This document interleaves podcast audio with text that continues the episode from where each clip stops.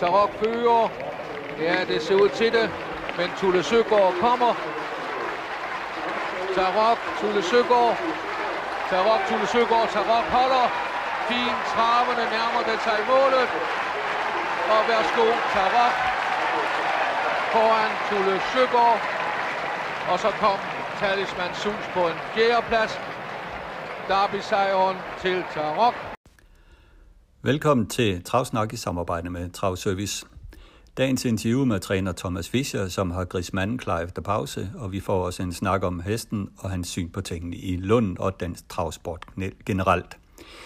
I ugens aktuelle laver BS og Dyrbær en ny top 5 blandt derbyhestene og diskuterer Aarhusbanen og om hvorfor banen er så vanskelig. Bønser at kigge på tallene fra Dansk Trav- og Galopunion, og så tager vi en sportslig rundtur i ind- og udland, og dermed skulle det være dækket ind i den næste times tid med hensyn til endnu en god gang travsnak. Så går det løs igen i dine hovedtelefoner eller højtaler, eller hvad, hvad du lytter travsnak på med endnu en omgang herfra. Og Carsten, øh, det allerførste, vi skal tale om, i, er løbende i Aarhus i Grand Prix, Aarhus i weekenden, hvor vi jo øh, ser den her festival og speed øh, vinde Jysk 80 Grand Prix helt overlegen. Er en stjerne født her? Øh, den har jo nok været født lidt før, øh, og meget tyder på, at det er årgangens helt klart bedste hest, i hvert fald på, på hængstesiden. Øh, vi har jo stadigvæk en Fascination, som jo desværre ikke kom til, til finale i Aarhus, som jo har den absolut bedste rekord for, for årgangen med 10-2. Men, men Festival of Speed, han ligner noget, øh, noget specielt, og, og er i hvert fald for øjeblikket den helt klare derby-favorit. Når man kigger på hans afstamning, havde det været inden for galopsporten, så har man sagt, at øh, det her det var en sprinter, det er ikke en stager, den kan aldrig vinde derby, men øh, det er jo lidt andre ting, der tæller i travsportens verden. Ja, jeg ved ikke, øh, hvorfor du lige mener, at den skulle være en sprinter det. Du kan jo sige, at det er en amerikansk hængst. Øh, Faren der, der Kensap Hall, øh, det var jo en udbredt ja. sprinter, fordi jeg var hissig, og moderlinjen går ned på Nile Lobel og andre heste, som også øh, ja, måske ja, ja, var bedst på sprinterdistancen. Ja. Ja. ja. Men, øh, men han ser i hvert fald ikke ud til at have nogen problemer med de 2360 meter i Aarhus, og jeg tror heller ikke, altså hesten oser jo af klasse, og øh, som sagt, så har han jo ikke været i nærheden af, af et nederlag. Jeg var måske en af dem, der satte spørgsmålstegn ved den stadigvæk, fordi jeg synes, det havde jo været sådan en lidt billigere baggrund, den havde været ude i, og nu skulle den møde de absolut bedste. Jeg mener, den prøve, som den vandt, den var jo totalt indsigende, hvor, øh, hvor konkurrenterne jo var ekstremt svage den dag. Men jeg må så sige, efter det her løb nu, øh, Fossa var jo svag, havde noget øh, lungebetændelse bagefter, eller havde noget i, øh, i halsen stadigvæk. Og øh, hvad hedder det, First Blood, den galopperede, ja. så, så, så øh, vi mangler lige det helt optimale, men altså, det vil være dumt andet at mene en, en festival of speed er den oplagte derby-favorit. Nej, det er også sådan, man må se det. Altså, når de kan vinde over 23 meter i Aarhus, så klarer de jo også 3.000 meter i København. Sådan plejer det at være. Og jeg kan også føre et tilføje omkring Frederik, at den var faktisk også øh, sat ned i halsbetændelse. Den gik jo udvendigt på Festival og Speed og blev træt til slut. Og den er så i øvrigt gået hjem, i hvert fald ifølge mine informationer, til Hans Ulrik Christensen igen efter den her start. Men øh, Festival og Speed, øh, det er den oplagte favorit, og bagved, så er der bare en helt lang række store spørgsmålstegn, øh, som man kan stille. Ja, det må man sige. Øh, der var jo nogen, der mente, at øh, Peter, Sten, Peter, Peter Understeiner havde en dark horse i Forever Shadow, men øh, jeg synes, den øh, måde, han øh, managerer den på, hvor han primært sender den ud i øh, ungdomsløb eller joggeløb, øh, det, det tyder ikke på, at det er sådan øh, en oplagt derbyhest. Men jeg vil da ikke ud. Altså, vi vil jo gerne, når Understeiner kommer med hestene til vores storløb, så er det i orden. Men øh, jeg ved ikke, forever Shadow, om det måske er en dark horse. Nej, vi kan i hvert fald øh, afvente og syne den i derbyprøverne, hvis den øh, bliver meldt til, til disse. Men ellers øh, synes jeg jo, at weekendens oplevelse for mig i hvert fald var Extremes øh, sejr i, øh, i øh, Liga 1-løbet. Den måde, den vinder det løb på, hvor ørerne de bare spiller undervejs, og den udstråler så meget overskud, så jeg sjældent har set mag til, så er det jo svært at andet at forelske sig i den hest. Ja, men jeg tror også, der er set den tidligere, det har du nok også jo. Så har du også været forelsket før end i søndags. jo, det er rigtigt. Fordi det er jo en hest, der, der har en enorm udstråling, og det her festival of speed jo altså også. Det er, og i øvrigt øvrigt så er det jo dybt imponerende, at Sten år efter år efter år efter år øh, kan komme med de her heste, ikke? Jamen det er det. Han, han, han er helt vild, ham der Sten Jul. Og hvad er det lige, han laver i den uge? Han farter land og rige rundt og, og er til trav hver eneste dag, om det er Halmstad, Solvalla, Falster eller Odense og så videre. Og, og, ja, der var noget, der var noget han havde misset. Der, der var noget, han havde misset. Jeg ved ikke, der var noget, der gået galt for ham. For, for han, han kørte ikke tirsdag. ja, det var det. Jamen det er jo fuldstændig crazy, at sådan en 70-årig mand, der han, øh, han er så aktiv. Ja. Det gør tage pusten fra de fleste, men han kan virkelig lave heste. Og ikke, uh, Stream her, han, han fik jo et interessant uh, tilbud, starttilbud næste gang. Ja, det er jo så Ulf Thorsen Grand International på, på Jarlsberg. Jarls, øh, de norske baner har jo nu her i juli måned hver deres øh, weekend, hvor de afvikler storløb, og der er det så Jarlsberg, der, der afvikler storløb her øh, næste weekend. De har løbet fredag, lørdag, søndag. Og der er altså øh, det her internationale Jarlsberg, eller hvad hedder det, Ulf Thorsen Grand International med en førstpræmie på 550.000. Det er jo så den absolutte øh, store, store begivenhed. Men de afvikler jo også Jarlsberg Grand Prix for hængster og for hopper og fireåringer, 1600 meter. og de køres fredag og lørdag. Der er 300.000 i, i førstpræmie, og der har vi jo i hvert fald i hopperafdelingen øh, Bo Vestergaards Louisiana med til start. Ja, og det er jo spændende også med Extreme, fordi øh, går det nu rigtig godt, og den kan samle en masse point til sig, så er der jo jubilæumspokalen på Solvalder i august, som er det helt store mål. Femårsløbet, der det kunne være uendelig meget spændende at se ham i det løb. Helt sikkert. Og så får vi jo virkelig... Altså, nu øh, kender vi jo ikke feltet endnu, og det bliver jo ikke hyperstærkt. Altså, Bløtte Gær, som jo i går var nummer tre efter et uheldigt løb på... Øh, på, på øh, Åby, den, øh, den vandt løbet sidste år, den kommer jo igen. Øh, og den er vinder af Oslo Grand Prix, så selvfølgelig så er der jo noget, øh, der er noget prestige i at, at, at, at kunne slå den eller matche den. Så, men ellers så, så tror jeg ikke, at vi får en, et egentlig fingerpeg om, hvordan ekstrem den står i forhold til sine, til sine svenske årgangsfælder før jubilæumsløbet på, på Solvalla i midten af, august. Ja, præcis.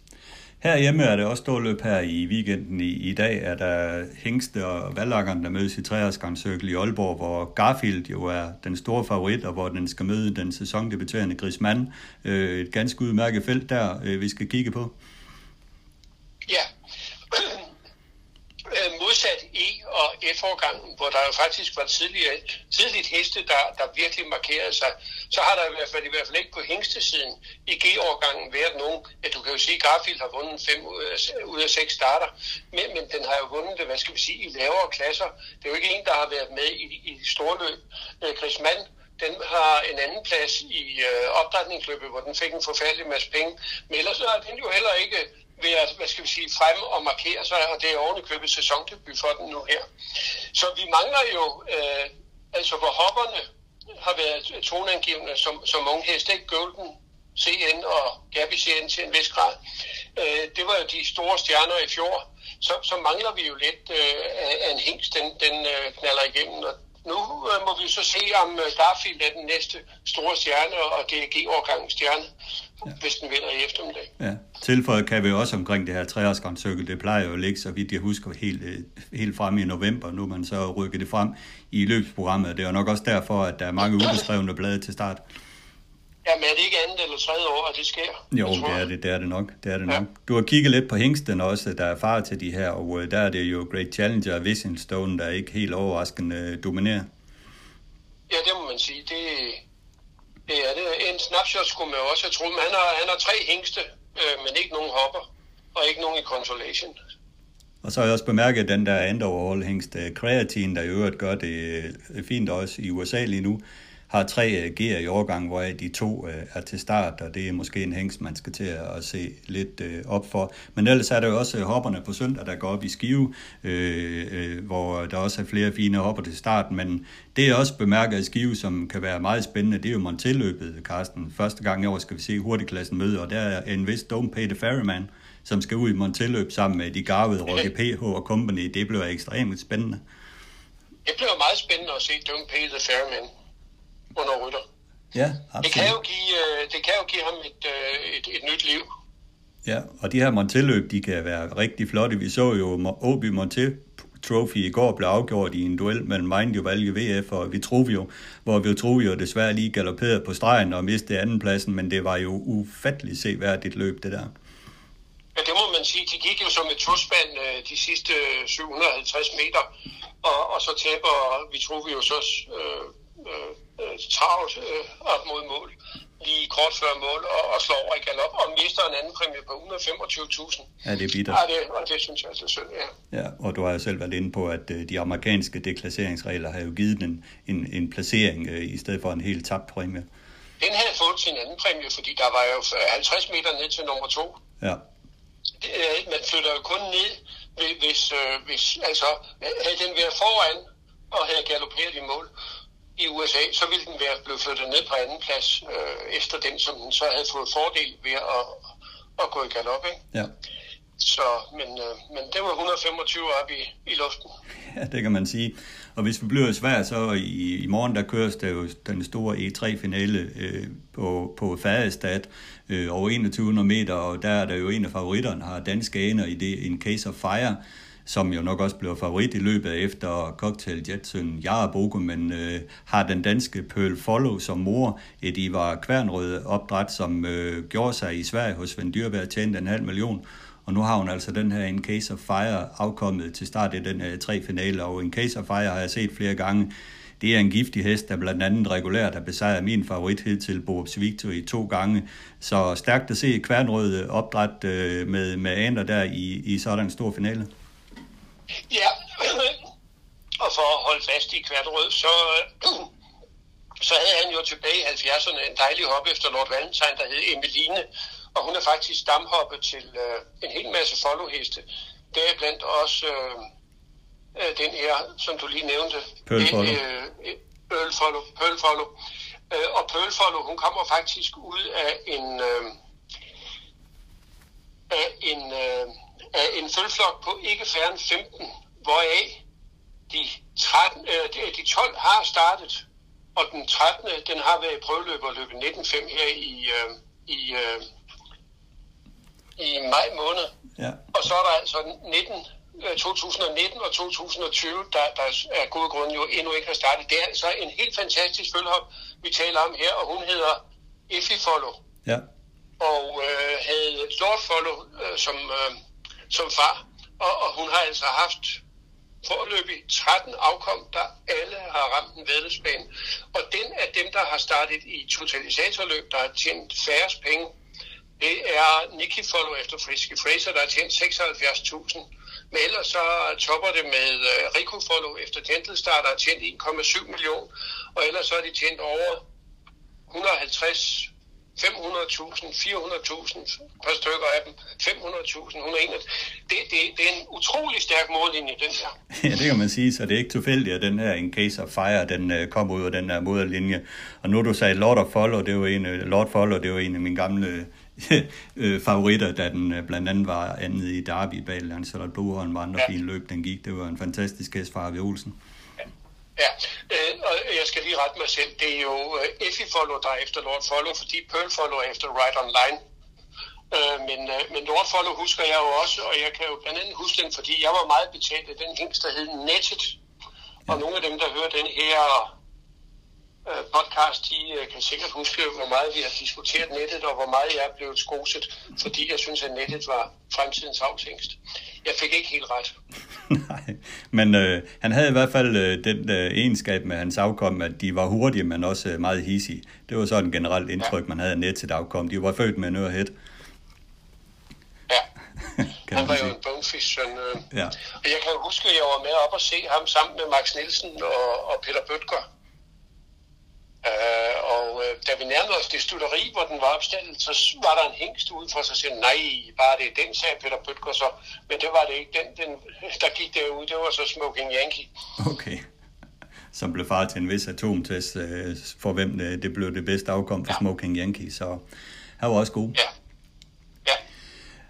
Men nu skal vi videre her. Nu har jeg, jeg har jo øh, som optakt til her træerskamscirkel lavet et interview med træner Thomas Fischer om øh, Chris og han øh, kommer også lidt ind på en tor, så han har sin stald, og som er godkendt på 20, og ikke, ikke mindst en snak om sådan øh, dansk travsport generelt, og økonomien i dansk travsport, øh, som han ikke har lige pt. de helt store tanker om. Det interview, det får jeg her. Så har vi igen fornøjelse af at byde velkommen til træner Thomas Fischer fra Lunden, som jo har sin grismand klar igen efter lang pause. Men uh, Thomas, øh, uh, hvorfor pokker skulle der gå så lang tid siden sidste start? Ja, altså, øh, vi havde jo sådan set planlagt det, at han skulle have haft måske en enkelt start, men uh, det var for 14 dage siden på Fyn. Og uh, lige pludselig så gik tiden, og så valgte jeg at tage et rutineløb i stedet for, og så, uh, ja, så, så er vi her nu, og jeg, jeg synes faktisk, at den sidste par måneder har været okay.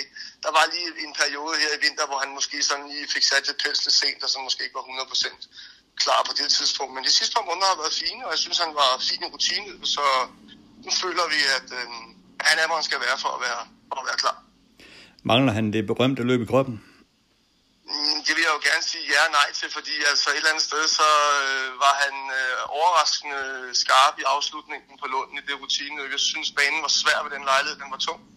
Ikke fordi det var sommervejr, men de har den lidt tung, så det, det, det der var meningen var, at han skulle have noget grus i hovedet. Det fik han, han noget ryg hele vejen, og der var han rigtig fin i opførelsen, og så var han også god i afslutningen. Så jeg synes faktisk, at han, øh, Altså skal jeg sammenligne ham lidt med, da han kom i opdrejningsløbet, synes jeg, at han er bedre forberedt til den her start, end han var der. Så må vi så se, om, om de andre så har udviklet sig det mere, eller hvad de har. Men han, øh, han virker som om, han er, hvor han, hvor han skal være for at være, for at være fin.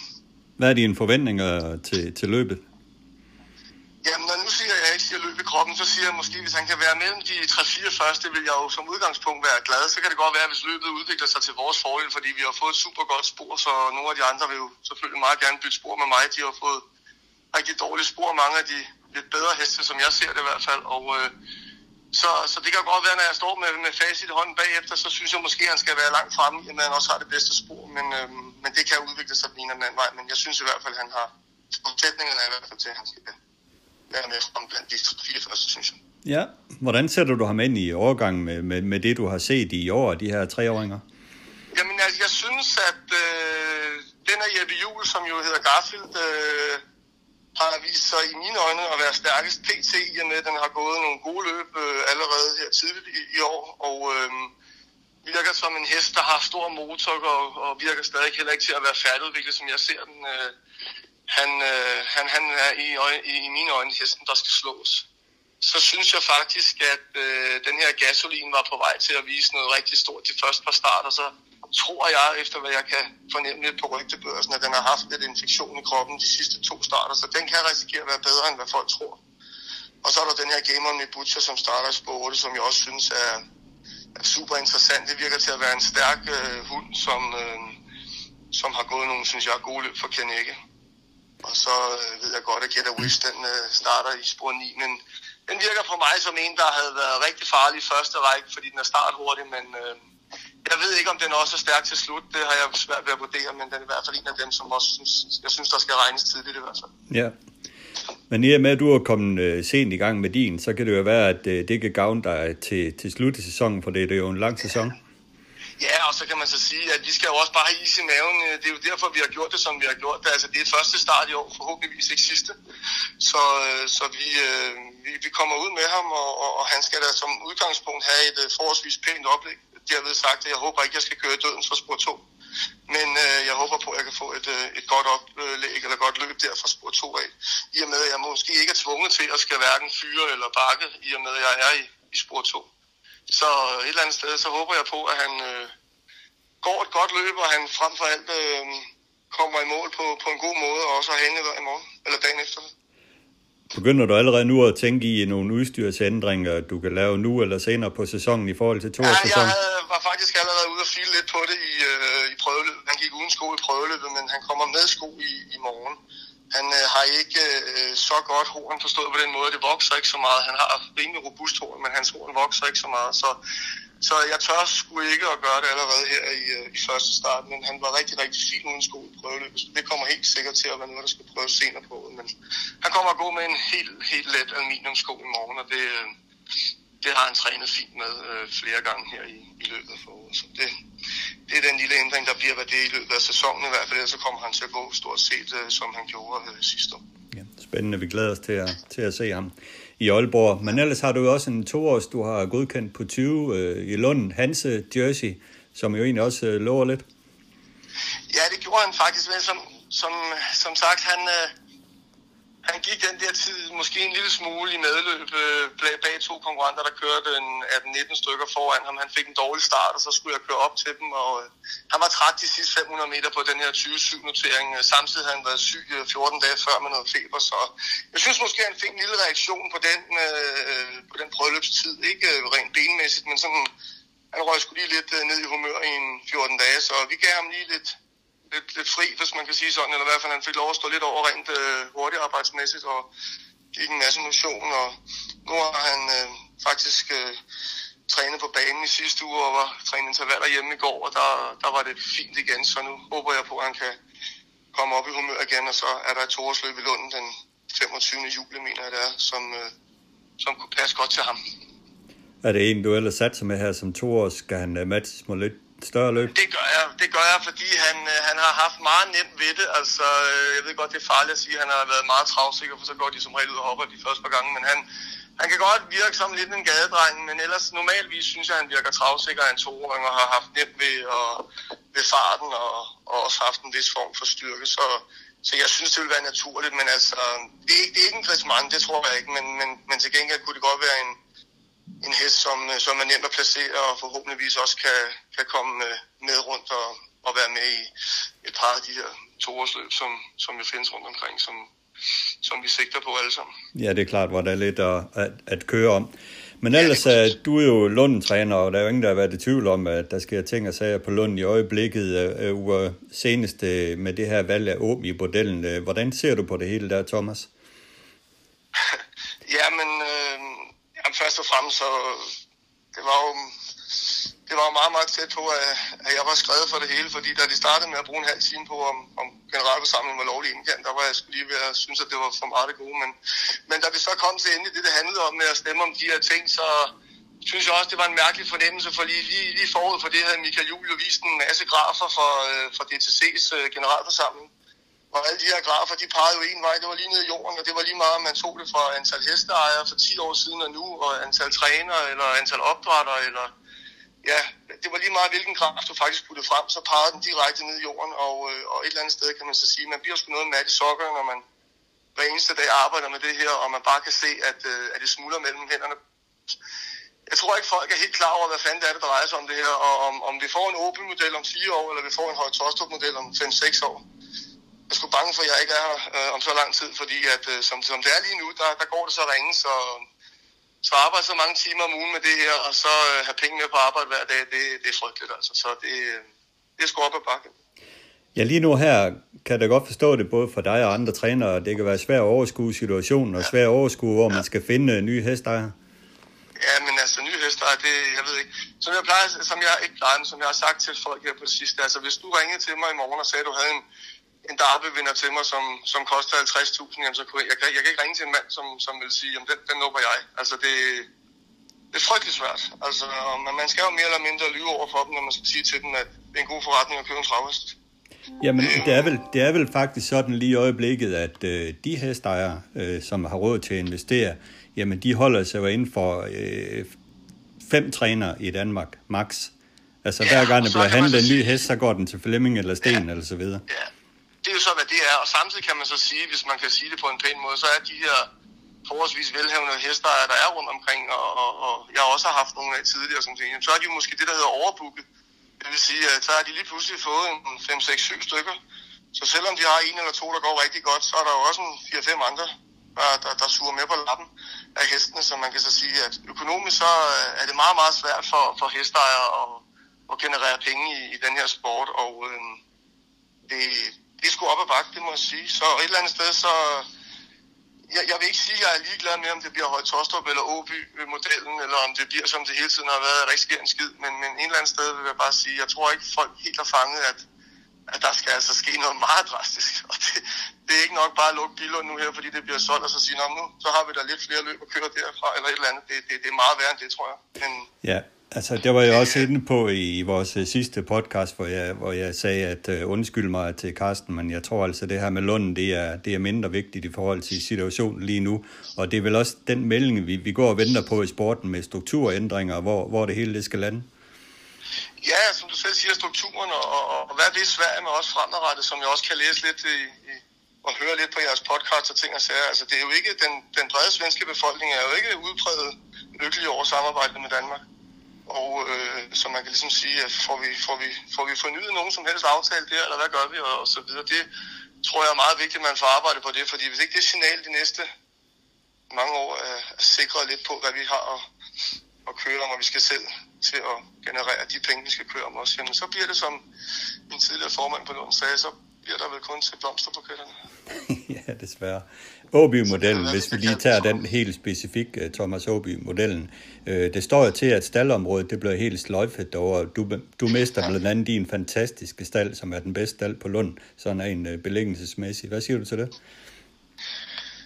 Jamen altså, jeg har selv været med i det øh, og siddet og kigget på de der løsningsmodeller, og jeg gik med i det, fordi jeg ville bare se, om det overhovedet kunne lade sig gøre. Jeg gik egentlig ikke med, fordi jeg havde nogen som helst planer om, det skulle være det frem for det andet. For jeg kan sagtens se og forstå de her folk, der synes, at Højtostrup-modellen havde været fantastisk. Øh, men tilbage til Opel-modellen, så kan man bare sige, der er ingen tvivl om, at på de tre store mærkedage, Kriteriums øh, Weekend eller Derby Weekend og Copenhagen Cup dag, der bliver, det, der bliver der trængsel. Det er der ingen tvivl om. Men, øh, men på alle de andre dage, ja, der kan vi jo så kan vi køre hjem i din eller min baghave stort set, hvad angår tilskuere og mennesker, for der er jo ikke så mange. Men, men altså på de store dage kan det selvfølgelig blive det problematiske problem, hvis ikke vi får lov at låne det, der hedder Grøndersletten, som ligger over, skråt over bag, som til en øh, ekstern parkeringsplads eller et eller andet, for, for på den måde at løse den her logistikmæssige ting. Men det er jo så igen det der, de siger med, med kommunen. Kommer de ind over der, og, og godkender de i det hele taget? at der skal være den store tunge trafik ned ad den vej, og hvor, hvor skal alle de biler være hen på de store dage og sådan nogle ting. Altså det, det ved jeg slet ikke. Det er jeg slet ikke klog nok til at kunne svare på, om de, om de, om de, kommer, om de kommer med det. Nej, og det er vel også det, der er problemet med både jo, den ene og den anden model. Det er jo, at der er, ikke, der er ikke rigtig nogen, der kender svarene endnu. Nej. Og derfor synes jeg bare, det er super ærgerligt, at man ikke har... Altså, jeg synes, det var to gode modeller. Altså forslag, undskyld, øh, både Højtostrup og Åby. Og så kunne man så sige, at øh, så tager der jo for pokker begge dele med op til kommunen, når de nu ligger der og så, så snakke med dem, fordi det kan da sagtens være, at, øh, at øh, når det hele kommer til stykket, så siger de måske nej til Opel-modellen, eller også så er det mere gavnligt at lave den anden model, eller et eller andet. Jeg ved det ikke. Det er bare, det, altså gå og vente halvandet år. Den samme travsport venter halvandet år på, at Charlotte Lund skal finde ud af et eller andet. Det, det, det, det, det, det går altså ikke, fordi det, vi skal vide noget snart, kan man sige. Ja, det kan man roligt sige. Det kan man roligt sige. Det, det haster ret så meget. Men lad os, øh, Thomas, lad os afslutte den her samtale øh, med, med en anden ting. Øh, du var jo så fremragende sidst, vi talte sammen i podcasten med at øh, spå Brøndby til sejr i Superligaen, og det gik jo fint. Ja. så hvordan går det med Danmark her til EM? Og oh, ja, så nu vil du også have en EM-vinder. Yes. Jamen, så kommer man en fræk ind, så siger Schweiz, de vinder. der var rigtig fræk. Det, jeg, jeg synes, de var intet mindre end fantastiske her deres sidste kamp, da de altså kom tilbage mod Frankrig der. Altså først så får de straffe, som de kikser der, hvor de kan komme foran 2-0, og så kommer de lige pludselig bag 3 så kort tid efter, og så alligevel vinder de det der og vinder det i, uh, ja. i straffespark. Det, det var en fantastisk kamp, så jeg tror, ikke, jeg tror ikke, det var ikke bare en heldig øh, affære, hvis man kan sige det sådan. Så jeg synes, de viste noget, som, uh, som gør, at de skal tages alvorligt. Så Danmark, de... Uh, Ja, jeg tror, de kommer videre næste gang, men det bliver meget, meget kniben. Det kan godt risikere at gå i forlænget spilletid og straffe os, men, øh, men jeg tror så også, den stopper der. Så en gang mere, eller, eller slut næste gang, og så tror jeg, at Schweiz går hele vejen. Super. Spændende. Så, Spændende, om du er, du er dygtig spormand igen. om jeg rammer igen. Det er godt. Tak snak. Super. Jamen, øh,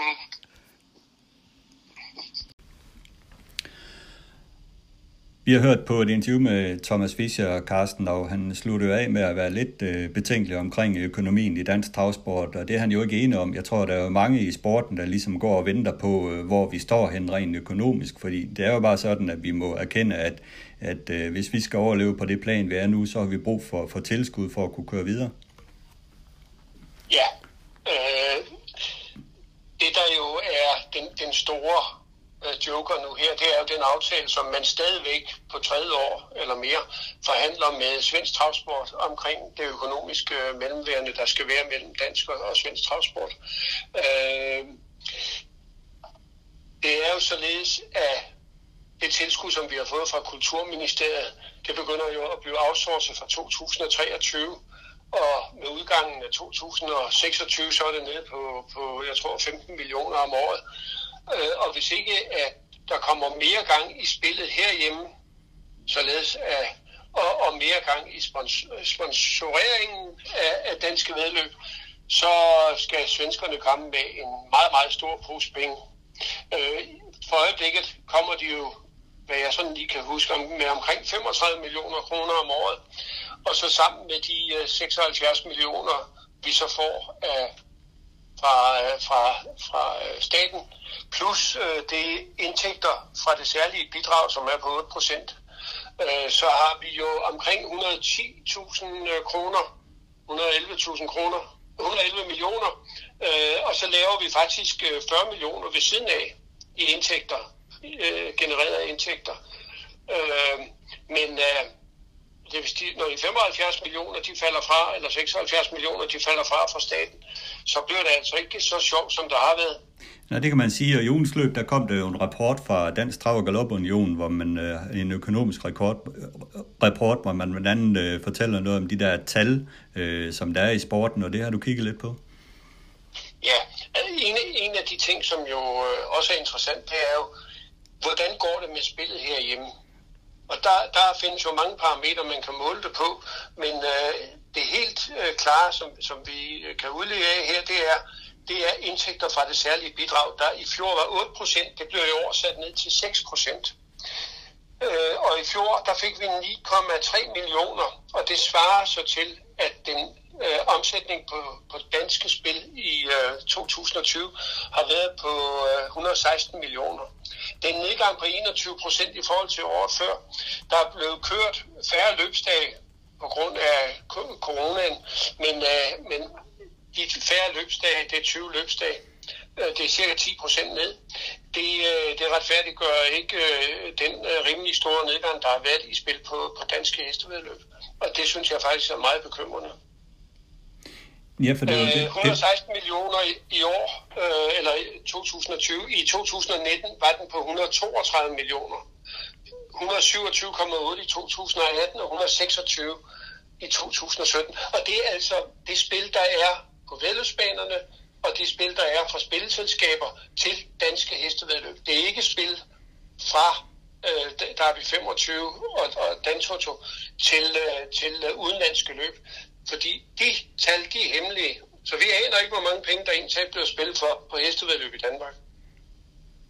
Nej, og det er jo det, der er det store spørgsmålstegn ved, at vi er ligesom svært ved at gennemskue, altså hvor skal pengene komme fra, og øh, i særdeleshed, hvis øh, Sverige-aftalen ikke lever op til det, vi håber og forventer, jamen så, så kan vi lande i et øh, stort gabende hul, fordi vi, det er virkelig svært at gennemskue, øh, hvor, hvor er økonomien hen? Ja, det må man sige. Det er meget svært. Okay. Hvordan skal vi blive klogere på det? Ja, ja, altså jeg har spurgt spilmyndigheden, men de vil jo ikke sige noget. Der er heller ikke nogen andre, der vil sige noget, så det er jo svært. Og jeg har også forsøgt at, at sige til nogle politikere, I, I må da også kunne få, være interesseret i de der tal, når I skal vurdere, hvor stor er interessen for, for trav og opløb i Danmark. Fordi der er jo ingen tvivl om, at der, der, der findes helt sikkert spillere, som primært spiller eller måske næsten udelukkende spiller til, til svenske øh, løb. Men de kan jo godt have, have, have være delejer af en dansk øh, ejer travhest stadigvæk eller galophest. Ja. Det er jo det. Hvad med Lund? Er der, ja, nyt, øh, er der nyt der, Carsten, omkring Lund? Jeg talte jo også lige kort med Thomas øh, Fischer omkring uh, situationen på Lunden. Altså i sidste uge havde vi et interview med, Hen- med Henrik uh, Ingberg Johansen, uh, der talte om uh, ekstraordinær generalforsamling osv., men er der nyt på den front? Jeg har hørt, at de startede med at, at indsamle underskrifter for at få etableret en, en ekstraordinær generalforsamling. Det kræver 50 underskrifter, øh, og der er jo cirka 200 medlemmer, så det vil sige, det er så 25 procent, at de skal have til at skrive under. Okay. Men hvordan det går, det kan jeg ikke svare på. Jeg er ikke blevet bedt om at skrive under. Nej, men de får nok heller ikke din øh, underskrift, øh, hvis, jeg, hvis jeg kender dig ret med din holdning til det. Men, det ved man ikke. Nej, det er rigtigt, men øh, så opfordrer her med at give videre, så kan de da prøve at kontakte hvis de vil. Ja. Ja. Vi har også talt lidt øh, kommunikation øh, her på det seneste, manglende kommunikation, men man kan da se på Dansk Hestevedløb, at efter man har ansat øh, Christine Strandsby som kommunikationsmedarbejder, så er man da i hvert fald der steppet op med, øh, med mere generel information på den kant. Det har du også vel også bemærket. Ja, jeg lagde jo også mærke til, at, øh, at man, øh, man fremhævede de mange downloads, der havde været af programmer, øh, til, øh, til weekendens løb i Aarhus, og hvor mange der havde været inde og følge løbende på, øh, på fast track racing. Øh, og, og jeg vil så sige, at det er, sku, det, det, det er faktisk, det, det, det, det, og hvis de tal de står til troende, og det gør de jo, så er det jo bekymrende, at omsætningen den falder. Fordi omsætningen blev mindre i forhold til året før, og, og det tyder jo på, at vi har måske nok en hel masse interesserede, men de spiller ikke. Så der er altså en kæmpe opgave i at få folk til at, øh, at slippe nogle flere penge på danske hestevalg. Absolut, og det gør man jo kun ved at, øh, ved at reklamere for det og gøre noget for det. For ellers, øh, folk de kommer ikke bare af sig selv nu om dagen. Der er jo massevis af andre ting, man kan spille på. Så skal man fastholde og øge interessen for spil på heste, så er man nødt til at komme ud af busken med en hel masse reklamer og så videre, nogle tiltag. Jeg tror jo for eksempel, øh, altså fast track, der irriterer mig grusomt med alt det snak, de har øh, undervejs. Øh, det er alt for meget. Jeg tror, hvis de kom med et helt konkret forslag med, øh, at øh, speakeren, øh, løbsreferenten, han siger, jeg tror, nummer 7 Tino Sommer vinder, og øh, og staldreporteren siger, jeg tror, at nummer 8 uh, Tarok vinder, øh, og de to, de står på skærmen, jamen så, så tror jeg faktisk, så det kunne animere nogle folk øh, til, i stedet for alt det her snak med, at den her, den er gået godt, og så, så har de snakket med en, der har set et billede af Torbenskold, og det er også godt. Øh, lad os få lidt mere ro og lidt konkrete tips, i stedet for alt det snak. Ja, men det er jo, det er jo smag og behag, Carsten, det ved du godt. Ja, det ved jeg, men øh, nu, øh, jeg tror, jeg, tror ikke, at der er mange, der hører efter alt, hvad der bliver sagt. Det er ikke sikkert. Det er ikke sikkert. Øh, det man kan sige, jeg synes også, efter, det er jo ikke lige, efter man har stoppet med alle kuskekår og trænerkommentarer og så videre i fast track regi, det er jo ikke sådan, at der egentlig har rejst sig sådan det store ramaskrig. Altså, det er ligesom om folk bare har accepteret det og, og tænkt, at det er sådan der. Ja, de fleste har jo nok, altså det var jo også den antagelse, man havde, at det var hestejere og kuske, der måske øh, lige øh, kiggede på, hvad stod der nu af min hest, mere end det, end det var spillere. Og jeg tror faktisk, vi mangler spillere. Det er det. Ja, det kan sagtens være. Og en joker, det er jo det her spilleselskab, som rumler derude, Jackpot Bet, hvad de kan komme og tilbyde med, om de kan måske lave noget nyt, der kan tiltrække nogle flere spillere til sporten. Det kan man jo håbe på. Ja. Ellers, øh, ja, men ellers øh, lad os afslutningsvis kigge lidt ud i verden og kigge internationalt. Øh, her i søndags, der var der jo comeback til FaceTime Bourbon efter sin avlstjeneste, og den imponerede jo for Erik Raffin, vandt i 1.09.1, vil jeg tillade mig at sige, ukørt. Så meget let ud. Ja, ja det var det også. Øh, og, og, og, de mener også, at den kunne have gået bedre end 1.09 på, på, på Vincennes over 2100 meter, som jo er sprinterdistancen på, på, på Vincennes. Ja. Så nu skal det jo blive spændende at se på Mikkeli uh, her den 18. juli, hvor den skal møde sin uh, banemand, uh, den italienske Saganjo, som jo uh, fik, fik et nederlag i, uh, i Rom her tirsdag aften. Det var så, hvor den måske blev slået på, uh, på, på lidt taktik. Uh, men, øh, men derfor, den burde have vundet alligevel. Det var, det var et rimelig billigt løb. De vandt på 13-0, tror jeg det var. Ja, ja. Men det, var, det der løb med FaceTime Bourbon var yderst interessant at se, fordi de havde jo fuldstændig hesten lukket ind i sækken, da den sad der i anden på udvendig. Men jeg ved ikke, hvad der gik af Etonans uh, kusk, da han kørte frem til spids. Altså, han kiggede sig over højre skulder. Det, det, det, det hele gik jo galt, da, da, da, da hvad hedder det, Davison Dupont, den galopperede. Ja. Og det var jo egentlig talt utroligt øh, at se det løb der, fordi Jean-Michel Basir havde jo helt klar, øh, hvad hedder det, en... Øh, en taktik, og det var jo, at han tog flyvende start med Davison Dupont. Det var så tydeligt. Og så suste han frem, og så kom så, hvad hedder det, øh, øh Valokaya Henø frem også. Ja. Og, og så fik de faktisk øh, lagt øh, på bong i sækken. Og så lige pludselig, med 1100 meter, så galopperede Davison Dupont. Ja. Og så var der frit frem for, for FaceTime på bong, ikke? jo, næsten. I hvert fald, da Etonon han kørte frem til spids, så var åbne ja. deres ladeport, og det var jo ligesom, man fik kuldegysninger at se stilen på FaceTime på Bong i sidste sving, hvor, hvor han øh, løb i vanvittigt højt tempo. Øh, virkelig, virkelig en lækker hest. Man bemærker så også, at Grafin de sidste 100-100 meter, der bekymrer han sig mest om at hilse ud til publikken, i stedet for at køre hest. Og derfor er det også derfor, jeg siger, at den, den, det så nærmest ukørt ud, det her. Ja, det var en meget, meget let sejr. Ja. Og Mikkeli, ja, verdensrekorden på 1000 meter bane, øh, den er sat på Pocono Downs af Sebastian K. med tiden 1.077. Så der er der et stykke vej dernede nu, hvis det skal lykkes, men øh, potentiale er der, der for FaceTime og Mikkeli-banen, som jo ligger inde i en skov, øh, hvor der er masser af syre og, og oxygen i luften. Øh, betingelsen er der jo, og Mikkelibanen er også lagt om, så vidt jeg ved. Øh, Mikkelibanen har jo altid været kendt for at være en meget, meget hurtig bane. og derfor så tror man jo, at, øh, at der er gode muligheder for, at der kan blive sat verdensrekord. Og grunden til, at det bliver muligt at få øh, FaceTime Bourbon derop, og også Sagan Joe, det er jo, at, øh, at der simpelthen bliver arrangeret, man har skaffet sponsorer til at, øh, øh, at finansiere det her flytransport. Det, det, det, er jo, det er jo flot.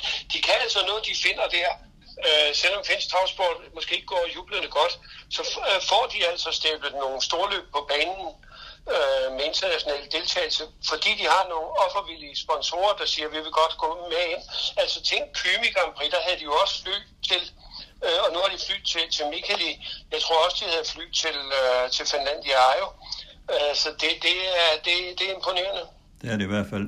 Noget, der også var imponerende at se, det var Stauro Obrigado, sejr på Solvalla i øh, onsdags, og fordi jeg udtaler det sådan, det er jo fordi, det er portugisisk og betyder mange tak, det her obrigado.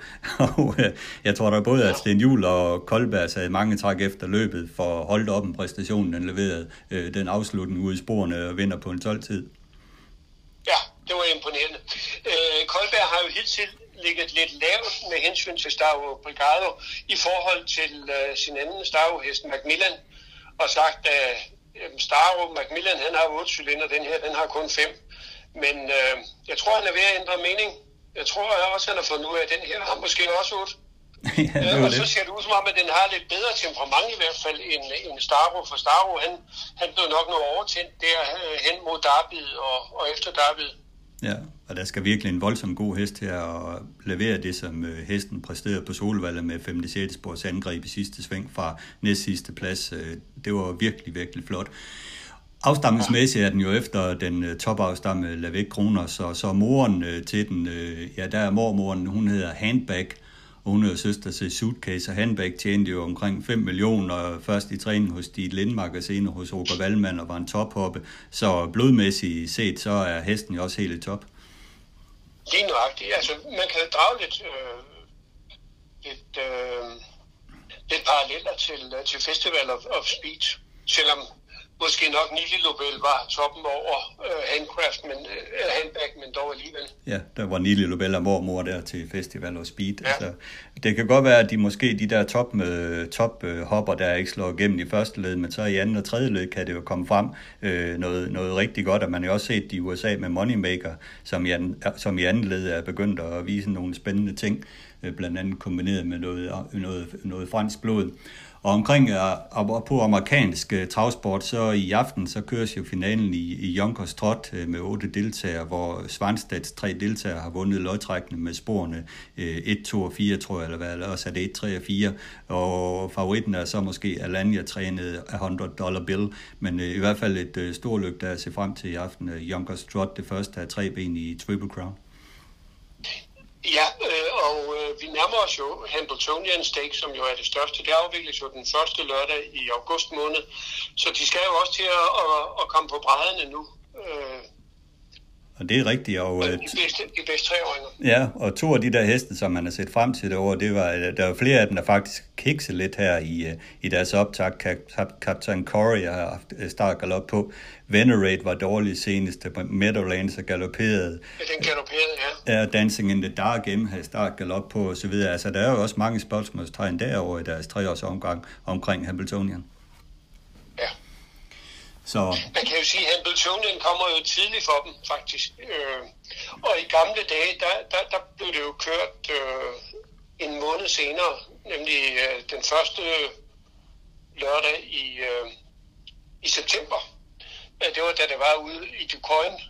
Men øh, så flyttede det jo i 1981 ind på, på Meadowlands, og fordi at Meadowlands jo på det tidspunkt var en kombineret bane og havde nogle, øh, nogle galop-meetings, så var man nødt til at, at rykke det lidt fremad. Men jeg synes, nu har, nu har øh, Meadowlands ikke så meget galop mere, og de har faktisk også fået en, en længere øh, travsæson, så jeg synes, at man nok skulle øh, overveje at, at flytte øh, Hamiltonian lidt længere, sådan at, at man kunne få noget mere nogle flere dyster, inden at de mødtes i, i det ultimative løb, hvor der jo er en million i samlet præmiesum.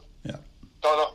Rigtigt. Men vi følger i hvert fald øh, med i sagaen derovre i, i USA. Men øh, nu skal I få et, øh, et afdeling af ugens aktuelle med BS og Dyrbær. I dag der sætter vi vores top 5 i Darby-årgangen for anden gang i den her sæson, og øh, tager også en generel snak om Aarhus-banen.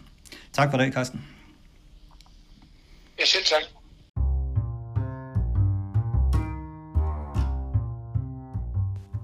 Ugens aktuelle med BS og Dyrbær. Velkommen til endnu en omgang ugens aktuelle med BS og Dyrbær, og øh, Bent og mig, vi fulgte jo interesseret med i øh, Jysk 80 Grand Prix, der blev afviklet her i weekenden, og for din egen del, Bent med Fireblade, der gik det knap så godt.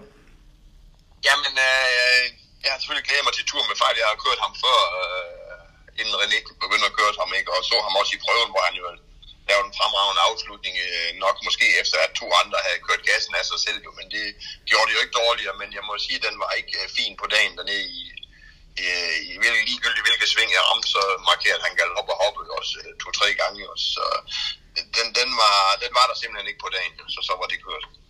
Det må man sige, men øh, Festival og Speed, den var der endnu en gang, og er stadigvæk øh, ubesejret, og øh, fremragende hest.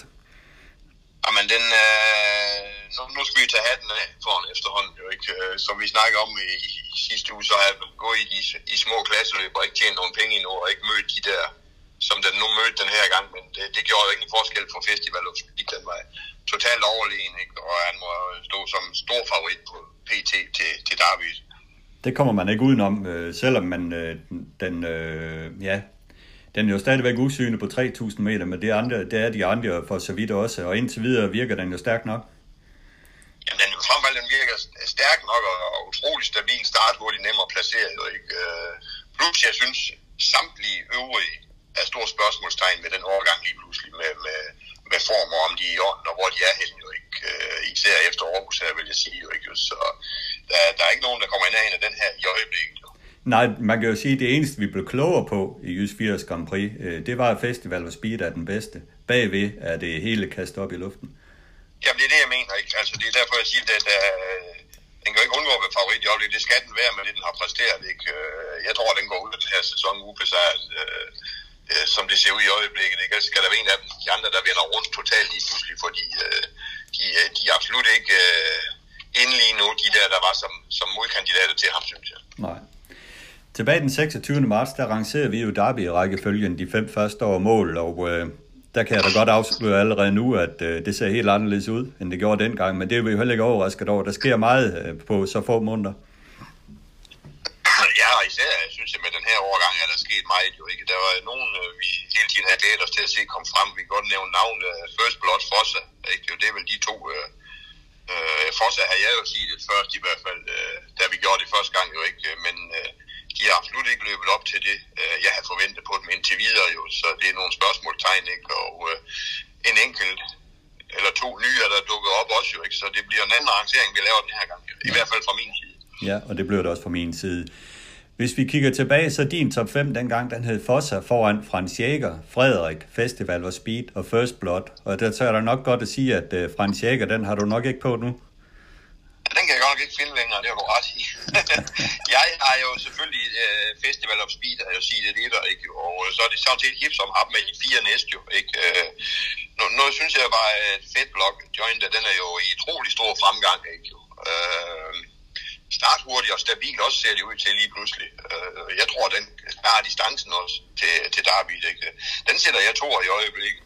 Øh, så kommer jeg med, med First Blood igen. Jeg, jeg tror mere, han har været lidt mere uheldig, end han ikke har form. Øh, den, det her så den pulles over i fejl, den i år, de bliver kørt meget passivt, med en, ikke? Øh, eller lave sådan en oplevelse, men det her man måske også gjort med den, her vist inden, men jeg tror ikke, det, det øh, indikerer, hvor, hvor den er hen i form, øh, den galop der, så den, den tror jeg stadigvæk på. Øh, Fossa vil jeg heller ikke helt afskrive, den laver lige pludselig et trænerskift her midt i det hele, det er aldrig nemt jo, øh, at komme ind i en ny, øh, ind i Flemming Jensens øh, træningsprocedur, og må ikke han får den lavet noget bedre til, til august her jo, det tror jeg på.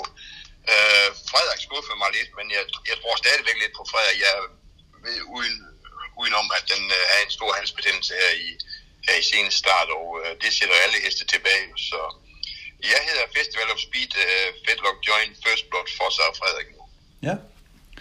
Og så kan jeg fortælle, at tilbage i marts, der var min top 5, den hed First Blood, Frederik, Felix, Festival of Speed og Fossa. Og øh, selvfølgelig er Festival of Speed op på førstepladsen nu. Da vi arrangerede den der sidste gang til Amager Barts, der havde han jo kun startet fire gange og vundet fire løb, og der var vi meget usikre på den, og øh, var jo begge to inde på, øh, om at det kunne blive svært for den måske at opnå den rutine og styrke, den skulle have for at, at, at nå noget, men øh, der må vi så sige, at øh, det har jo hesten jo totalt modbevist. Jamen, det, det har den, den, den ser fremragende ud. Det har den gjort hele tiden. Det agerer lidt hissig blandt jo, men det har, synes jeg ikke, den har gjort hverken i prøven i Aarhus eller i selve Grand Prix her. Han har bare set at kunne køre ligesom en vildsten hjul, og så bliver den om fuld gas op over bakken der. Og jeg skal lov for, at der er gas på den, når han fyrer den af. Og så den, øh, altså, og den virker for mig komplet efterhånden. Det må man sige, og jeg har den selvfølgelig også sige det et nu. Min anden hest, det blev Freeze. Øh, den ved du jo, den holder jeg af hesten, og jeg synes, den viste øh, rigtig fin fremgang, både ved at den vandt prøven i Aarhus og sluttede godt af i, i finalen, efter at den øh, blev taget lidt op i sidste sving, og ifølge Jeppe Juhl, så misforstod den signalerne og, og slog lidt af på takten, men da han fandt farten igen, så skød den rigtig god fart op mod mål. Og jeg tror faktisk, at øh, Freeze i bund og grund er den stærkeste hest i overgangen. Og hvis han får den til at fungere optimalt, Jeppe Juhl, i, i derbyet, så, så er jeg stensikker på, at den er langt frem. Jamen det, det har du muligvis ret i. Jeg kan bare ikke helt lide gangen på Freeze. Den, den taber, efter min mening taber den stilen en gang imellem, og det er der ikke tid til øh, i de her hårde løb her. Men, men som du selv siger, får han det rette helt til med hesten, så er den absolut en af topkandidaterne. Og så First Blood har jeg på tredjepladsen. Den er rangeret ned på en tredjeplads, men jeg holder den stadigvæk højt. Jeg synes faktisk, den så fremragende ud på dagen i, i Aarhus, så til ud til at være der igen. Men øh, i og med, øh, at Bio kørte indvendigt med hesten, og det blev taget lidt op og foran, så er det ligesom om, at den fik øh, 1000 ben der ved stalludkørslen, ligesom andre heste har prøvet, og øh, endte så i en stor galop. Og øh, Bent, du fortalte mig også lige, at øh, de vil ud at have løb i kroppen nu på den anden derbyprøven. Den skal starte her i Bilund. Jamen, jeg så det moment i et, øh, i et øh, fireårsløb, der er i Bilund på torsdag, hvor jeg selv har finest af VVU. Øh, det er et tillægsløb, hvor, hvor der er efter, hvad, de har tjent til, og den står med 40 meter først blot, har jeg set jo, men det er jo helt sikkert, at de skal ud og have set, hvor, hvor den er hen, for de er også frustreret over præstationerne ind til nu i år jo ikke, så det er selvfølgelig en start inden øh, derbyprøven, ikke? og så får vi nok lidt mere indikation af, om, om han er der først blot, men jeg, jeg tror, den er, jeg har set den i, øh, når han har trænet med den, øh, Morten, den ser fremragende ud, så jeg tror, den er på vej igen. Ja, og kredsen udtrykte også skuffelse efter Grand Prix over, at Bjørn Jørgensen valgte et øh, passivt løbsoplæg fra start af. Man ville gerne have set den øh, ud og, og dyst med fra start og, og ligesom få et åbent løb, men nu blev det ikke sådan, øh, desværre for hesten. Min fjerde hest øh, bliver så Frederik, den holder jeg stadigvæk højt, og som du fortæller her, Bent, jamen så havde den halsbetændelse her, som du kommer med en god information om, og jeg ved også, at efterfølgende er den faktisk gået hjem igen til Hans Ulriks øh, træning øh, fra Gordon Dahls øh, træningskvarter øh, med den her Frederik, men øh, skyhøj klasse har den, og igen en hest, øh, som har stillet os øh, mange spørgsmålstegn, men som vi ved kan en masse. Øh, jamen, den har vist lidt klasse, det synes jeg absolut. Jeg har nu ikke hørt, at den er gået hjem til Hans Uller igen. Det, jeg ved ikke, hvor du har den information fra. Jo. Jamen, men, altså, men, det kan jeg fortælle dig. Hans Uller kan sende mig en sms øh, øh, med et billede af Frederik, der stod op i hans trailer, og den skulle øh, hjem. Så ja.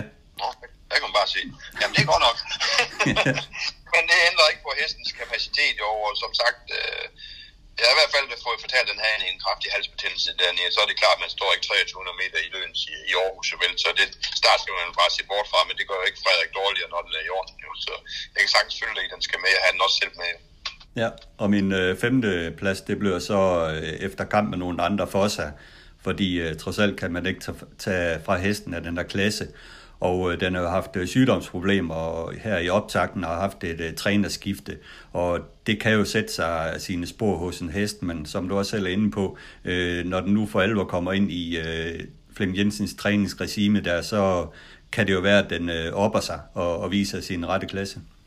Jo, men den klasse ved vi, den har, det er der slet ingen tvivl om, men, men som sagt, den har været lidt syg. Gårdernes heste var jo, har været lidt skidt i foråret. Øh, Øh, mange af dem, det vi jo selv har haft slet, slet en del, ikke? og det samme i, i Flemming Jensens stald, og jeg synes faktisk ikke, Jensens heste, de går helt op til, til fulde i øjeblikket endnu jo, men det har han jo god tid til at rette, og forhåbentlig får han det rette hen ad vejen, og så tror jeg, at den kommer i de sidste par gear igen for sig, ikke? Han har trods alt hele tiden vist, at han hørte det i top 3, synes jeg.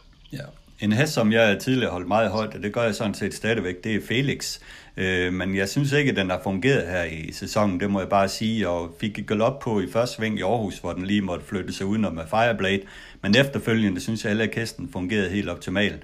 Øh, ingen tvivl om, at, at, den er stor klasse Felix, og det blev sådan lidt en øh, bobler fra min side. Jeg holder den stadigvæk øh, højt, og som en øh, stærk hest, men øh, lidt tvivlende på, på øh, om, om den er der helt.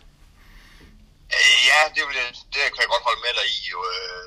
Som du selv siger, nede i Aarhus var den ikke specielt øh, fin. Øh, jeg ved godt, den fik galop, men jeg synes først, det var efter, han havde passeret mig, han fik galop på, jo ikke, øh, hvor den tabte trav, jo ikke. Og øh, han siger også selv, det var ikke noget med, med at han skulle ind om mig at gøre, jo. Så nej, der er måske lidt små problemer i øjeblikket, men det, igen kan den være bedre, når den kommer venstre rundt, det ved vi ikke. Absolut. Så øh, man kan sige, du har, der hvor du har byttet mest markant ud, det er, at du har smidt Frans Jäger øh, væk, og så har du sat øh, Fettler John ind på andenpladsen. Den er slet ikke i, i min top 5. Øh, til gengæld har jeg så justeret lidt øh, rundt på placeringerne og flyttet Freeze ind på min anden plads øh, fra, fra Bobler. Så det er jo der, de store ændringer er, så selvfølgelig Festival of Speed op på førstepladsen. Det kan der ikke pilles ved. Jamen, det, det er det, vi har indtil videre, ikke? og så kan det være, at vi skal lave en ny rankning efter derbyprøverne. Det må vi øh, se, om der så sker noget der, eller dukker en yoga op, jo. Men øh, ej, jeg, synes, jeg tror nok ikke, der kommer nogen op, vi ikke har nævnt, øh, vi har, vi har set øh, toppen af dem. Jo. Så det er bare mere om nogle af de andre, de rammer noget bedre form igen. Øh, men slå festival og speed, det nægter jeg tro på i øjeblikket. Og blandt hopperne, der er det jo Fox on the Run, som gled op som den klare etter nu efter sin øh, overbevisende sejr i Aarhus. Den kan du godt få besvær med at besejre i Hoppe David. Åh, oh, er min udgået? Nej, det tror jeg virkelig ikke, jeg kan, Henrik. Men, men det vil jo komme op til bevis, jo ikke? Uh, den gik godt Fox on the Run. Skal bare huske en ting. Den har stor fordel af Aarhusbanen. Uh, fiser igennem svingen dernede. Det er altid uh, guld værd, når man kører i Aarhus, jo ikke? Jo. Uh, men jeg var ikke imponeret af nogen af dem i, i forhold til min. Øh, det jeg ved, den kære, den har gjort, så, så ranker den helt op i mig nu. Det er klart, den Det er altså flagret også. Ja, selvfølgelig, selvfølgelig. Du skal jo tro på din hest. Indtil ja, andet er bevist. ja. og når du nævner Aarhusbanen, så lad os lige øh, slutte af med at øh, snakke lidt Aarhusbanen. Der var jo lidt øh, debat efter en artikel i Travservice, som du også kommenterede på ind på Facebook, men øh, Lad os lige holde det væk, og så bare tage en generel snak om øh, Aarhusbanen. Øh, hvordan ser du på den her Aarhusbane? Er den, øh, er den i moderne travsammenhæng øh, god nok for hesten at køre på? Ja, det synes jeg, den er. Den er god nok for heste, der, der er i orden, og så trives den. Og øh, øh, vi har bestemt, vi skulle ikke nævne nogen navn, men jeg kan ikke lade være med at nævne Sten Juhl, der kommer med den ene tophest af hans efter den anden, når han er til start dernede. Og han har altid nogen med til rammeprogrammet, øh, uanset om han bare skal ned og køre Grand Prix. Og øh, hans heste, de danser rundt dernede, de gør det hver eneste gang, det betyder, at hestene de er i orden. Så jeg, jeg kan ikke forstå, hvis banen øh, jeg kan godt forstå, at den er besværlig for nogle heste, for det er jo samme grund, at vi bliver væk med flaget også. Men det må man jo acceptere, når hesten ikke trives dernede, så, så hjælper det ikke at starte dem dernede. Sådan er det bare. Men når de ikke trives, eller ikke kan finde rundt i svingene, så er det fordi, der er problemer med hesten.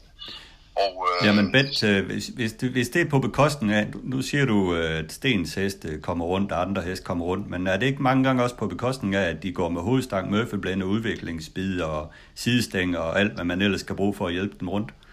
Jamen, det, det er også nogen, der gør den anden vej rundt kan jeg godt fortælle dig. Nu skal vi heller ikke nævne navn der. Så det, det, det er stadig ikke noget med at gøre, om en hest er fit for fight, når de kommer til start, og der er han jo helt i verdensklasse Sten Hjul, til at få heste klar til, til, til løbsdag, hvor det gælder noget specielt jo ikke jo. Og, og, og det jeg mener med det er jo, at det, det hjælper jo ikke at stå og sige, at Aarhus ikke dur, for den, det, det kan godt ske, at man har den indstilling på det, men, men så skal man absolut blive væk, hvis man ikke vil uh, tro på det, når man kommer derned. For Aarhusbanen er jo ikke blevet ændret de sidste 50-60 år. Jo. Nej, men... Den ligger, som den gør. Svingene er, de er endda blevet lavet lidt bedre dernede, end, end de var på et tidspunkt. Jo, ikke? Jo. Men, men uh, men jeg synes jo, Bent, at du siger noget interessant der, fordi at øh, banen er ikke lavet om de sidste 50 år, men øh, travsporten har udviklet sig enormt i de sidste 50 år. For 50 år siden, der rendte de 30 i 0-klassen, nu render de 18. Altså, bare lige for at illustrere det. Hestene kan løbe meget hurtigt på langsiderne, men kommer så ind i nogle sving, hvor de skal slide meget mere i det for at komme rundt. Og øh, kan det ikke øh, være en, så stor en belastning for hesten, at de får skader? kan det sagtens, men det er det. Så, så, så er vi nødt til at tage vores egen hjemmebane skive med jo ikke. Efter den bliver ændret fra 800 til 950 meter, kommer vi jo ikke med mindre fart ind i svingene i skive, vel? Og der er jo også mange heste, der kan tage øh, kadencen rent udsagt øh, i opløbssvinget i skive, ikke? For svingen blev jo ikke ændret dengang. Og, og, og nu kører vi endnu stærkere, som du siger jo ikke, fordi vi, øh, hesten er blevet bedre, vi har mere fart på den der langsiderne. Det var dem, der blev lavet længere, ikke? Mm. Øh, så det er også en belastning, hvis vi kommer dertil. Men generelt er det kommet til at gå alt, alt for stærkt jo. Og så må jeg henvise til min gode ven, jeg altid lytter til, Stefan Hultmann, som jeg så har hørt på endnu en gang den anden aften, hvor han snakkede om, at øh, treåringerne generelt, både to og tre, de løber alt for stærkt nu. Øh, og der, hvor han hen med det, er, at de skal gå i jænkervogn, øh, vogne, ikke? og de skal gå uden sko, og hvad ved jeg jo ikke. Det vil han jo have, at hest ikke skal have lov til, før de bliver fire år, fordi de har ikke godt at løbe så stærkt, for de går i stykker ved det. Og det, det kan jeg godt følge ham lidt i. Ja, selvfølgelig. Altså, det, det, det skaber jo bare en enorm øh, hård belastning på hesten øh, i en tidlig alder, fordi øh, det, dem vi sammenligner os med, det er jo USA, men der kører de jo primært på, på milebaner, så derfor er belastningen ikke så hård for hesten i svingene, hvor vi herhjemme kører 12 tider med 3 over 2100 meter øh, på 1000 meter baner, og det, det er jo klart, at det betyder noget for hesten. Det gør det jo, det gør det jo, men, men, det, men det er lige nok det, du siger igen. Vi er nødt til at køre efter forhold, der er, der er nogle gange på de baner, vi, vi bliver tilbudt jo, ikke? Og som jeg siger til dig, det er, det er helt imponerende, at de kommer og løber 12 og 13 i skive, de der treåringer, vi så i uh, Musketer-weekenden, ikke jo? Uh, på, på, på 2.000 meter jo, ikke jo? Ja. Det, skal, det skal slide på alle heste, og gøre det vil også slide på en gammel hest, men den, den er mere hærdet jo, ikke? Men det er en frygtelig fart for, for en treåring, synes jeg, ikke jo? Ja. Det, det, og ja, og, og så er der Aarhus lige nok, hvor de går den anden vej. De får en anden belastning, hesten, ikke? Omvendt så, øh, jeg rigtig synes, det er godt nok at tage dem med en gang imellem, for de også kommer rent ud sagt højere rundt og får den anden belastning, ikke? Så de ikke hele tiden bliver hamret igennem venstre rundt, altså i den normale kørselsretning. Ja, men det er, det er bemærket mange gange med Aarhus, det er, at det er, det er staldsvinget, der er det snævre sving, men det er det store sving, hvor der er flest heste, der får problemer. Hvor, hvordan kan det være? Ja, det kan jeg sagtens forklare. Øh, det er fordi, at øh, normaldistancen, grunddistancen i år, den er 1800 meter, ikke? og vi kommer med jo øh, ikke dobbeltfart, men topfart ind i første sving. Nu ved jeg godt, Grand Prix, de går på 2300 meter, ikke? men vi, vi går jo øh, med topfart dernede i 1800 meter sving, ikke? og hestene, det, det er faktisk ikke sådan, at øh, man tager samtidig fejl af Aarhus Baner, hestene de hænger ind, at de, at de er flere, de fortsætter lidt lige ud i stedet for hvis du forstår mig ret. Ja. Så man skal have godt i dem og dreje dem endnu mere for at holde dem, holde dem inde i banen, og så kommer galoppen, fordi de løber der i, modsat retning i så stor fart. Og det er jo det, jeg siger til dig, i, øh, dernede, det er jo ofte 1800 meter, hvor vi åbner stenhårdt, kører, tager lidt op, og så skal der fyres igen rundt i sidste sving. Nu, ikke? Altså, derfor er det blevet en eller anden mærkelig grund, som du selv siger, så er det blevet et problemsving næsten i, i det sving på Aarhus, i, for, i, i stedet for det, vi kalder det skarpsving. Altså, det, er, det er der mange heste, der klarer efterhånden. Men jeg har også hørt lidt om, at det store sving dernede, der, der er der måske lidt falsk dosering på, at den ikke, øh, den ikke er helt perfekt doseringsmæssigt. Jo, men det er jo det der ligesom om, at den næsten hælder den forkerte vej, som det hedder. Altså, ud er jo ikke, og, og det er jo klart, det giver kæmpe problemer for, for hestene. Og det var jo netop det, det de lavede om for nogle år siden i det skarpsving, med at lave lidt mere dosering på den. Selvom det ikke er mig, så, så hælder den trods alt ind af øh, op, op i staldsvinge, som det hedder. Ikke? Så jeg tror, det er det, der kommer af, at, at, at de får større problemer i den sving. Okay, skide god forklaring. Vi skal, lige have en anden ting med i Ja. ja. det her års samling. Altså, det, det er en bane, der kræver, at man kørt dernede før, også for, også for kuskene. Det er lige så ofte kuske, der er skyld i, at hestene får galop, som det er hestene selv jo. Ikke? Den, den er utrolig svær. Øh, og vi skal ikke genere nogen som helst mennesker, men uh, Axel Jacobsen var på hans top og havde 100 heste i træning, kom til samtlige løb. Det var meget sjældent, at han kunne styre en hest rundt i, i Aarhus, fordi han var der så, så sjældent. Og han sagde det også selv, at kan jeg ikke køre ned. Jeg ved, at, at uh, topkuske som uh, Peter og Johan Untersteiner, de vil heller ikke køre derned, de vil sætte gæstekuske på, når de er Aarhus. Så den er utrolig svær, hvis man ikke kender den bane jo. Mm. Øh, og, og det hører også med jo, ikke? Og kan støtte og, og hjælpe en hest på den rigtige måde i Aarhusbanen. Og, og- og det er jo igen, øh, jeg synes jo, det er en charme, at vi har nogle forskellige ting. Jeg savner også vores gamle 800 meter bane i Skive, vi skal tage det med. Det, jeg synes, det var meget sjovere, end, end at køre på det, vi kører på nu. Men, men sådan er vi så forskellige. Men jeg vil stadigvæk ind på, at, at der er ingen heste, der... Det, det, jeg vil ikke sige, at banerne ikke dur. Men det kræver bare uh, nogle andre oplæg, når vi kører på de, uh, de der eller i hvert fald i Aarhus. Jo. Det er i orden. Udmærket argument. Tak for snakken i dag. Ja, selv. Det høres. Ja. Hej. Tak fordi du tog dig tid til at lytte til Travsnak i samarbejde med Travservice. Har du input, idéer, kritik, ros, ja hvad som helst til podcasten, så giv mig en mail på adressen henrikdyrberg gmail.com.